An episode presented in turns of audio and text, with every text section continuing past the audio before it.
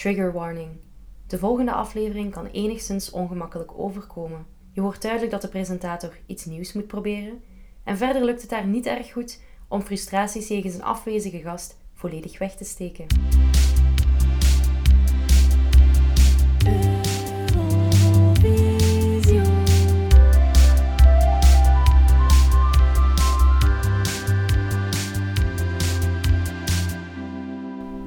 Hallo en welkom bij Eurovision, een podcast waarin ik wekelijks een winnend Eurosongnummer bespreek in chronologische volgorde en telkens met een gast. Maar voor deze speciale 24e aflevering heb ik twee primeurs voor jullie. Om te beginnen is dit de eerste aflevering van Eurosong die niet opgenomen is in Europa, maar in Israël na hun winst het jaar daarvoor in 1978. De tweede primeur is dat mijn gast hier jammer genoeg niet is kunnen geraken dat het tweemaal te moeilijk was om af te spreken. Ik zou het heel graag op corona willen steken, maar jammer genoeg gaat dat niet. Maar ik ben niet als het niet vergevingsgezind is. Dus uh, Bartje, no hard feelings. Maar jullie zullen het vandaag dus wel gewoon met mij moeten doen. Om eerlijk te zijn vind ik het wel spannend om een keer een aflevering zelf op te nemen. Als ik mezelf te veel vragen stel en zo, moet daar niet mee inzetten. Uh, I'm fine. Ik ben aan het zoeken. Maar dus welkom bij Solo We bespreken het jaar 1979, waarin Milk and Honey, de Israëlische inzending, voor de tweede keer op rij uh, met de prijs gaat lopen. Dus uh, het is sowieso niet zoveel voorkomend dat een, een, land twee keer op rij wint. Maar uh, hier zien we dat dus meteen en dan ook nog eens buiten Europa, wat behoorlijk zot is. Um, er zijn 19 deelnemende landen op dit moment. Turkije trekt zich onder druk van de Arabische landen die Israël niet willen steunen terug. Ook Joegoslavië doet niet mee. Dus allebei geen verrassing. Aangezien in deze landen uh, het jaar ervoor ook niet werd uitgezonden dat Israël de winnende deelnemer was. Dus uh, ze hebben toen niet erkend dat Israël gewonnen had en gingen zeker ook niet erkennen dat het Eurosong Festival door ging gaan in Israël dit jaar. Dus de politieke polemiek zit hier wel een beetje op zijn hoogtepunt. Uh, dat is ook iets dat op dit moment nog altijd niet per se voorbij is, dat weten we allemaal. Maar laten we het daar niet te hard over hebben en ons vooral focussen op het feit dat Israël het heel goed doet, twee jaar op rij, en een zeer goed nummer stuurt. Om eerlijk te zijn was het nummer Halleluja iets dat ik niet per se kende, dat behoorde niet per se tot een muziekbibliotheek. Maar om eerlijk te zijn, hoe, hoe vaker ik het luister en hoe vaker ik de performance zie, hoe beter uh, ik het begin te vinden. Het is echt een zeer interessant lied. Het is enorm goed gebracht. En het is echt de moeite waard om uh, het beeldmateriaal er effectief bij te nemen. De manier waarop ze opkomen is uitzonderlijk of is nog niet zo vaak gedaan.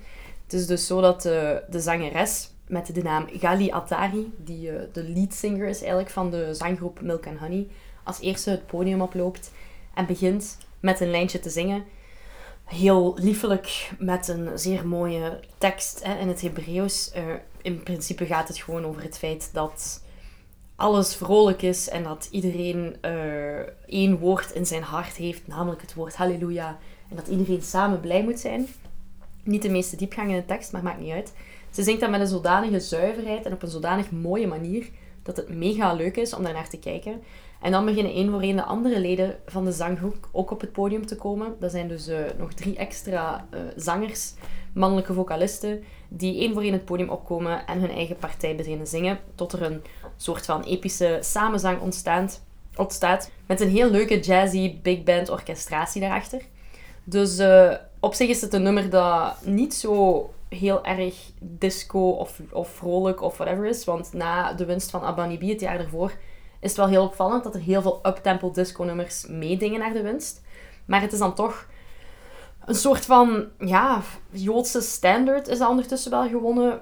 Ja, het is een, een heel lieflijk nummer. Het is heel upbeat, maar zonder dat het echt uh, kitsch of overdreven is of zo. Allee, dan heb ik nog niet over de outfits gehad. Maar het nummer op zich is eigenlijk een heel meeslepend, uh, ja, kampvuurliedje bijna zelfs. Dus het is echt een keer iets anders. Het is echt een, een, ja, een feel-good anthem. En ik beloof je dat je ermee in je hoofd gaat zitten uh, als uh, je ernaar geluisterd hebt. Dus ik ga daar nu voor zorgen door het nummer hier lekker tussen te steken. Enjoy!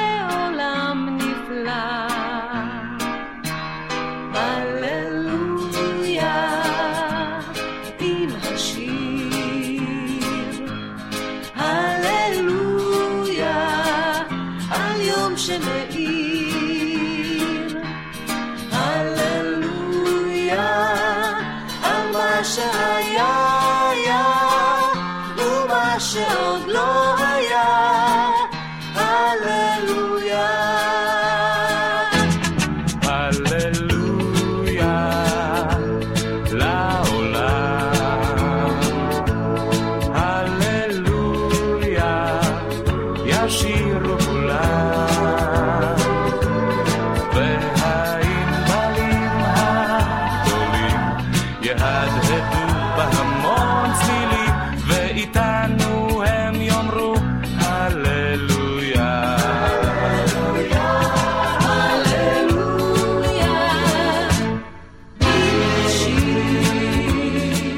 Bon, ik heb zelf nog een keer gekeken en eh, ik ben echt enorm fan van de outfits. Dus eh, ze dragen een soort van onopvallende witte outfits, maar hebben dan wel zo roze strikjes en bretellen met eh, een beetje goud, een beetje roze, een beetje glitter. Dus ze proberen wel een beetje hè, vrolijk te zijn en een beetje met de disco-hype eh, mee te gaan.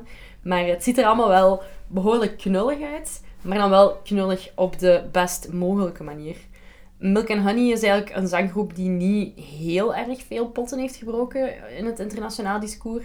Ze hebben na hun Eurosong-hit wel nog een nummer, Goodbye New York, waarmee dat ze internationaal op nummer 1 stonden in verschillende landen. Maar verder, verder valt er niet heel erg veel over te zeggen. Buiten het feit dat de, de lead-vocalist Ghani Attari dan ook maar een tweetal jaar heeft meegedaan met de groep. In de jaren 80 doen ze nog twee keer mee aan de voorrondes van Eurosong, maar dan raken ze er niet meer door. Dus eh, dit is wel een beetje hun hoogtepunt of hun ja, overwinningsjaar. En daar blijft het verder wel een beetje mee. Toch zeker als je bekijkt hoe ver of niet ver ze geraakt zijn in de internationale muziekwereld. Alleszins is Milk and Honey een zeer weloverwogen keuze, denk ik, die eh, Israël heeft gestuurd. Het is namelijk zo dat eh, bij de opnames van, eh, van de intro van het Eurovisie Songfestival in 1979 we meestal een soort van collage zien van het land dat dit jaar het festival host. En Israël kiest er echt zeer duidelijk voor om zo'n beetje allerlei soorten religies de revue te laten passeren. Hè, met belangrijke plaatsen voor zowel het christendom als de islam en het joodse geloof. Dus ze proberen wel een soort van beeld op te hangen van kijk, iedereen leeft hier samen op een zeer vredevolle manier. Al die religies bestaan hier naast elkaar. Ze sturen dan ook een nummer als Halleluja, dat ook niet per se getint is naar één bepaalde godsdienst, maar wel allee, alleen al door het woordgebruik natuurlijk een zeer sterke godsdienstige bijklank heeft. En ik denk dat, ik vind het dan vreemd dat desondanks het feit dat ze dat daar zo hard op smeerden, dat de jury dan toch heeft gekozen om Israël eh, met de prijs te laten lopen. Maar langs de andere kant is het ook wel gewoon, ja, als je het puur op de nummers bekijkt, is het gewoon echt een zeer goed nummer. En is het niet vreemd dat ze gewonnen hebben. Dit is het stukje dat ik gebruik om tijdens het editen een rustpunt in te lassen, zodat er even wat variatie te horen is in deze stroom aan informatie. Het is wel zo dat er nog heel veel andere goede opties waren, want dit was echt een uitzonderlijk leuke editie van Eurosong om te kijken. Dus ik, ben, ik heb dat met alle plezier gedaan. En voor mij is het grootste twijfelpunt tussen hen als winnaar wel het feit dat voor Duitsland de fantastische Genghis Khan ook meededen. Genghis Khan is een, europopgroep, eh, een soort van zootje ongeregeld, die draait rond één personage. Hè. De Genghis zelf natuurlijk, die eh, wordt vertolkt door eh, de Zuid-Afrikaan potgieter, die eigenlijk zelf niet zingt of zo, maar hij staat er dan altijd wel bij op podium om crazy choreografieën te doen, maar echt enorm zot. Hij heeft dan altijd zo wat, ook wat zotte glitterkleren aan en zo, ja... Je weet wel, hij is, is het historisch figuur tussen aanhalingstekens Genghis Khan, maar dat is natuurlijk helemaal niet zo historisch. Maar het is echt crazy qua show-element. Ze zijn vierdes geëindigd, maar als je hoort wat het de publieksreactie is na het optreden van Genghis Khan, dan is het echt bijna vreemd dat ze niet hebben gewonnen. Ik denk dat zij ook wel echt op het hoogtepunt van hun, eh, van hun carrière stonden op dat moment, dus die waren wel heel bekend doorheen Europa. En zij geven, ja, zij hebben zo'n beetje... Ze zijn het epitoom van de Europop-band eh, in de jaren 80. En ja, die performance die zij doen is echt fantastisch. Er zit zoveel power achter, dat is zo ingestudeerd. Je ziet echt dat dat die hun brood en boter is al, eh, al enkele jaren aan een stuk. Dus eh, zeker ook een keer bekijken. Maar dus, zij zijn pas vierde geëindigd. Daartussen hebben we nog een tweede plaats voor Betty Misiego met het nummer Su Canción, die voor Spanje opkomt. Allemaal en wel, op zich een cool nummer, leuke zanglijn, verrassend. Enige probleem is dat er allemaal kinderen op podium staan. En voor mij is dat zieltjes winnen. Ik vind... Ik zou dat niet hebben toegelaten als ik eh, in de Eurosongcommissie zat. Is de eerste keer dat dit gebeurt, denk ik, dat er kinderen op podium zijn. En ze doen zo'n soort van vraag- en antwoord stukje. En het is echt te mierzoet. Het is, ja, voor mij heeft dat nummer een beetje verpest. Maar blijkbaar vond de, de jury het wel zeer leuk. En is er ook een soort van eh, nek-aan-nek race geweest, waarbij dat pas helemaal op laatste duidelijk ging worden dat Israël met de winst ging lopen. Dus eh, op zich wel leuk dat het zo een keer spannend bleef. Die spanning gaan ze vanaf volgend jaar nog meer proberen opdrijven, eh, waar het op de puntentelling aankomt. We zitten hier al in een 12 points systeem, dus dat eh, de jury eh, punten van 1 tot en met 12 uitdeelt. Maar eh, dit is het laatste, laatste jaar dat ze de punten nog doorgeven op basis van de volgorde waarin er werd opgetreden. Vanaf volgend jaar, dus 1980, is het zo dat ze hun punten in stijgende lijn gaan geven. Dus ze geven eerst een 1, 2, 3, 4 punten. En dan pas op het laatste, ja, het spannende moment waarop we eindelijk weten wie dat met de hoogste punten gaat lopen voor elk land. Eh, dus dat is ja, een element dat nu nog altijd heel belangrijk is in Eurosong. En dat zien we dus ontstaan in 1980. Dus eh, dit is de laatste keer dat dat niet gebeurt. De derde plaats is voor een oude bekende, namelijk Anne-Marie David, die terugkeert en met Je suis l'enfant soleil toch een tweede hoge score behaalt. Hè, want ze heeft gewonnen in 1973 met Tu te. Ik ben nog altijd niet zodanig gewoon dat ik het vlot kan uitspreken. Maar ze haalt dus nu ja, weer een heel mooie eh, derde plaats. Wat ook niet heel veel terugkomers gegeven is. Dus goed gedaan aan Marie David. Zelf vond ik het niet het meest interessante nummer. Maar uh, sure man, all the power to you. Dat Genghis Khan daar dan achter eindigt, vind ik wel eerder vreemd. Maar bon, het is niet mijn... Uh, het is, ja, ik ben de jury niet, dus ik kan er niks aan doen. Iets dat nog een heel goed, uh, goede indruk op mij heeft achtergelaten was Mattia Bazar, de inzending voor Italië. Ik ben daar ook wel gewoon al fan van, dus dat kleurt mijn mening natuurlijk wel al een beetje. Maar zij maken als enige deze editie geen gebruik van de orkestbak. Dus zij gebruiken elektronische muziek op tape. Uh, wat synths, een beetje mandoline, elektronisch en zo. Dus als we het hebben over... Volgende editie hebben we het bijvoorbeeld over 1980. En dan, dan doet Telex mee voor uh, België. En dan gaat het over synths en over analoge... Ja, over elektronische muziek echt.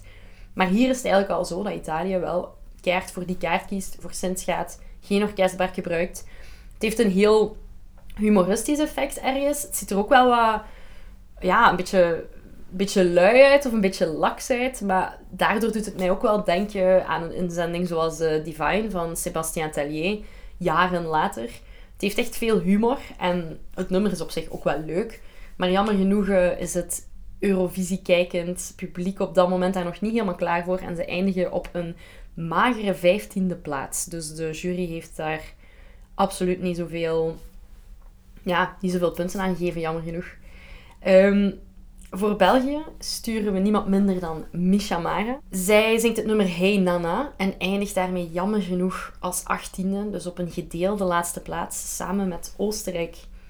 Dit is wel iets waar ik mij absoluut niet kan achterscharen, want het is echt niet zo slecht. Ik vind dat zij dat nummer met heel veel verve brengt. Het is niet het beste nummer, maar het is zeker ook niet het slechtste nummer. En ja, ze, ze verkoopt het wel echt goed, hè. Dus ja, ik vind het jammer. Mishamara had dat zeker niet verdiend. Misschien heeft het feit dat het een zeer sterke editie was, wel haar een beetje ja, bijgebeend. En is ze daardoor niet hoger kunnen eindigen. Maar ik heb zeker wel dingen gezien die ik veel slechter vond. Verder nog een paar shout-outs naar Denemarken, die een heel leuk nummer sturen. Uh, Disco Tango, voor de naam alleen al zou je het doen. En de UK, die Black Lace stuurt. Een soort van Amerikaans klinkende rock- en roll groep. Uh, het is niet echt een supergoed nummer. Wel wat leuke melodietjes erin. Maar zoals gewoonlijk uh, zit de UK hier nog altijd op een soort van supergoeie streak. En eindigen zelfs met zo'n vreemd en grappig en niet serieus te nemen nummer op de zevende plaats. Dus eh, hier doet de UK het voorlopig nog zeer goed. Dit is het stukje dat ik gebruik om tijdens het editen een rustpunt in te lassen, zodat er even wat variatie te horen is in deze stroom aan informatie. Om het even over de ensenering te hebben van het podium. Eh, het is een beetje een behoorlijk beige editie, om eerlijk te zijn. Ook de outfits van de, van de mensen die deelnemen zijn net ietsje minder vrolijk of, of ja, schreeuwerig, maar dan op een, op een manier die ik zelf heel leuk vind. Eh, dus dat vind ik een beetje jammer. Ze hebben er ook voor gekozen om een klein beetje de ansenering die Ronald de Groot vaak doet voor Nederland over te nemen. En hebben een soort van grote sculptuur in het midden die van constellatie, die van samenhang verandert, waardoor dat er bij elke performance een andere, ja, een andere samenhang is, waardoor dat het dan heel duidelijk wordt hè, dat het een beetje afgekeken is van, eh, van die constructies die de Groot ook maakt. Maar eh, ja, ze hebben natuurlijk wel gelijk, want zo blijft het podium ook wel gewoon spannend en iedere keer iets nieuws. Nog een interessant weetje is dat de postcards deze keer zijn vervangen. Niet door de, de beelden uit het land van herkomst van de persoon die gaat optreden. Maar er is een, eh, een Israëlische mime-groep. Dus uh, mime-artiesten, mime-artiesten. Ik vind het altijd moeilijk om te kiezen hoe ik het ga uitspreken. Maar we zullen voor mime gaan. Dus de postcards zijn dus altijd een soort van typerend verhaaltje voor het land in kwestie. Dat wordt uitgebeeld door die mime-artiesten die dan op een, ik vind het zelf echt wel vermakelijk, op een grappige manier landmarks of kleine toneeltjes uitspelen uh, om dat land aan te kondigen. Het is een pak leuker om naar te kijken, maar maakt de uitzending natuurlijk ook wel meteen een heel stuk langdradiger, want er zijn wel altijd uh, stukjes van twee à drie minuten. En ja, dat begint dan toch wel op te lopen qua tijd. De Israeli Broadcasting Authority heeft voor Eurosong trouwens voor de eerste keer een kleurenuitzending gedaan. Ze hebben daarvoor speciaal camera's moeten lenen bij de BBC. Dat hebben we wel nogal gehoord, hè, dat, uh, dat er duurder of beter of nieuwer technologisch materiaal moet worden geleend. En het is dan altijd de BBC die dat toevallig heeft liggen. Hier wordt het even moeilijk en stel ik mezelf een vraag waar ik eigenlijk geen antwoord op weet. In normale omstandigheden, als mijn gast Bart hier aanwezig was, dan had ik een zeer interessante vraag voor hem. Maar uh, ik ga die zelf gewoon eventjes bespreken. Deze editie van Eurosong wordt ja, op heel veel plekken uitgezonden. Zoals altijd is dat niet enkel in de landen die deelnemen, maar op dit moment is dat ook wel de USSR die meekijkt. En sinds deze editie zelfs ook Hongkong en IJsland. Dus we kunnen wel zeggen dat het hier over een soort uh, van wereldwijd event gaat. En dat muziek op deze manier echt op een zeer internationale wijze kan worden verspreid. Um, dus die internationaliteit in de muziekwereld is zeer boeiend. En is ook een van de grootste redenen waarom dat Eurosong bestaat, denk ik nog altijd.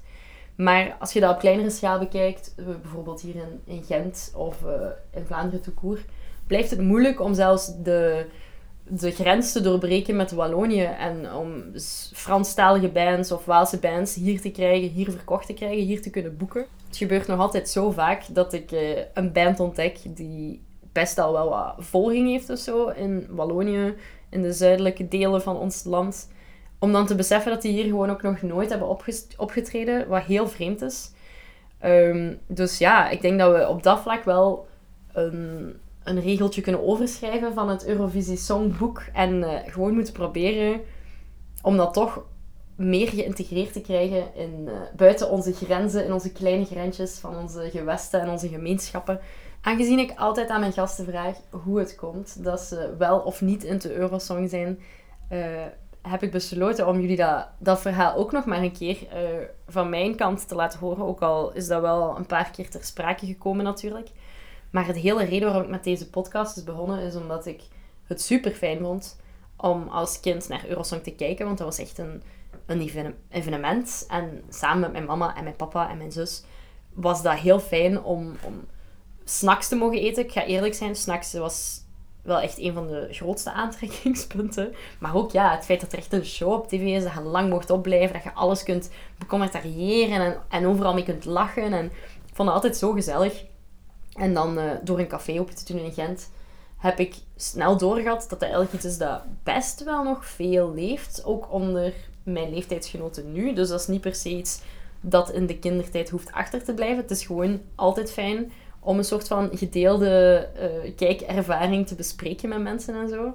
En uh, door het vele thuiszitten in de lockdown dacht ik, ja, het zou maar boeiend kunnen zijn voor mezelf om enerzijds wat meer geschiedenis eh, over Eurosong te kunnen leren, maar anderzijds ook om een goed excuus te hebben om nog meer met andere mensen te praten. Ik weet dat dat nu bij deze editie eh, afschuwelijk mislukt is en ik een beetje tegen mezelf loop te lullen. Langs de andere kant is dat ook geen probleem, want allee, soms moet je het met jezelf doen en dat is eh, helemaal oké, lieve luisteraars. Maar eh, ja, om, om een lang verhaal kort te maken, Eurosong is gewoon echt leuk. Bij deze wil ik ook nog altijd een zeer warme oproep doen naar iedereen die zich enigszins getriggerd voelt om zelf te komen praten over een Eurosong-nummer of die gewoon geïnteresseerd is in muziek en denkt, ik wil wel eens een nieuw lied leren kennen op deze manier. Voel u vrij om mij een berichtje te sturen, om mij te zoeken op Facebook of om via eurorovision.gmail.com een mailtje te sturen naar mij. Ik vind het altijd fijn als mensen zichzelf aanbieden, maar uh, ja, ik ga ook wel nog genoeg de pieren uit mensen in neus halen om ze hier te krijgen. Want uh, ik heb nog wel enkele afleveringen voor de boeg. Verder zou ik jullie heel graag willen bedanken om tot nu toe al mee te luisteren. Ik, vind het, ik, heb, ik had zelfs niet, niet echt gedacht dat ik al 24 edities ging volhouden. Dus uiteindelijk heb ik het gevoel dat ik zelf best goed bezig ben. En af en toe mocht je zelf ook eens een complimentje geven. Dus niet alleen wil ik Milk and Honey heel erg uh, feliciteren met hun winst in 1979. Want amazing, goed gedaan. Maar ook mezelf, Romina, proficiat. Goed bezig. Merci en tot de volgende.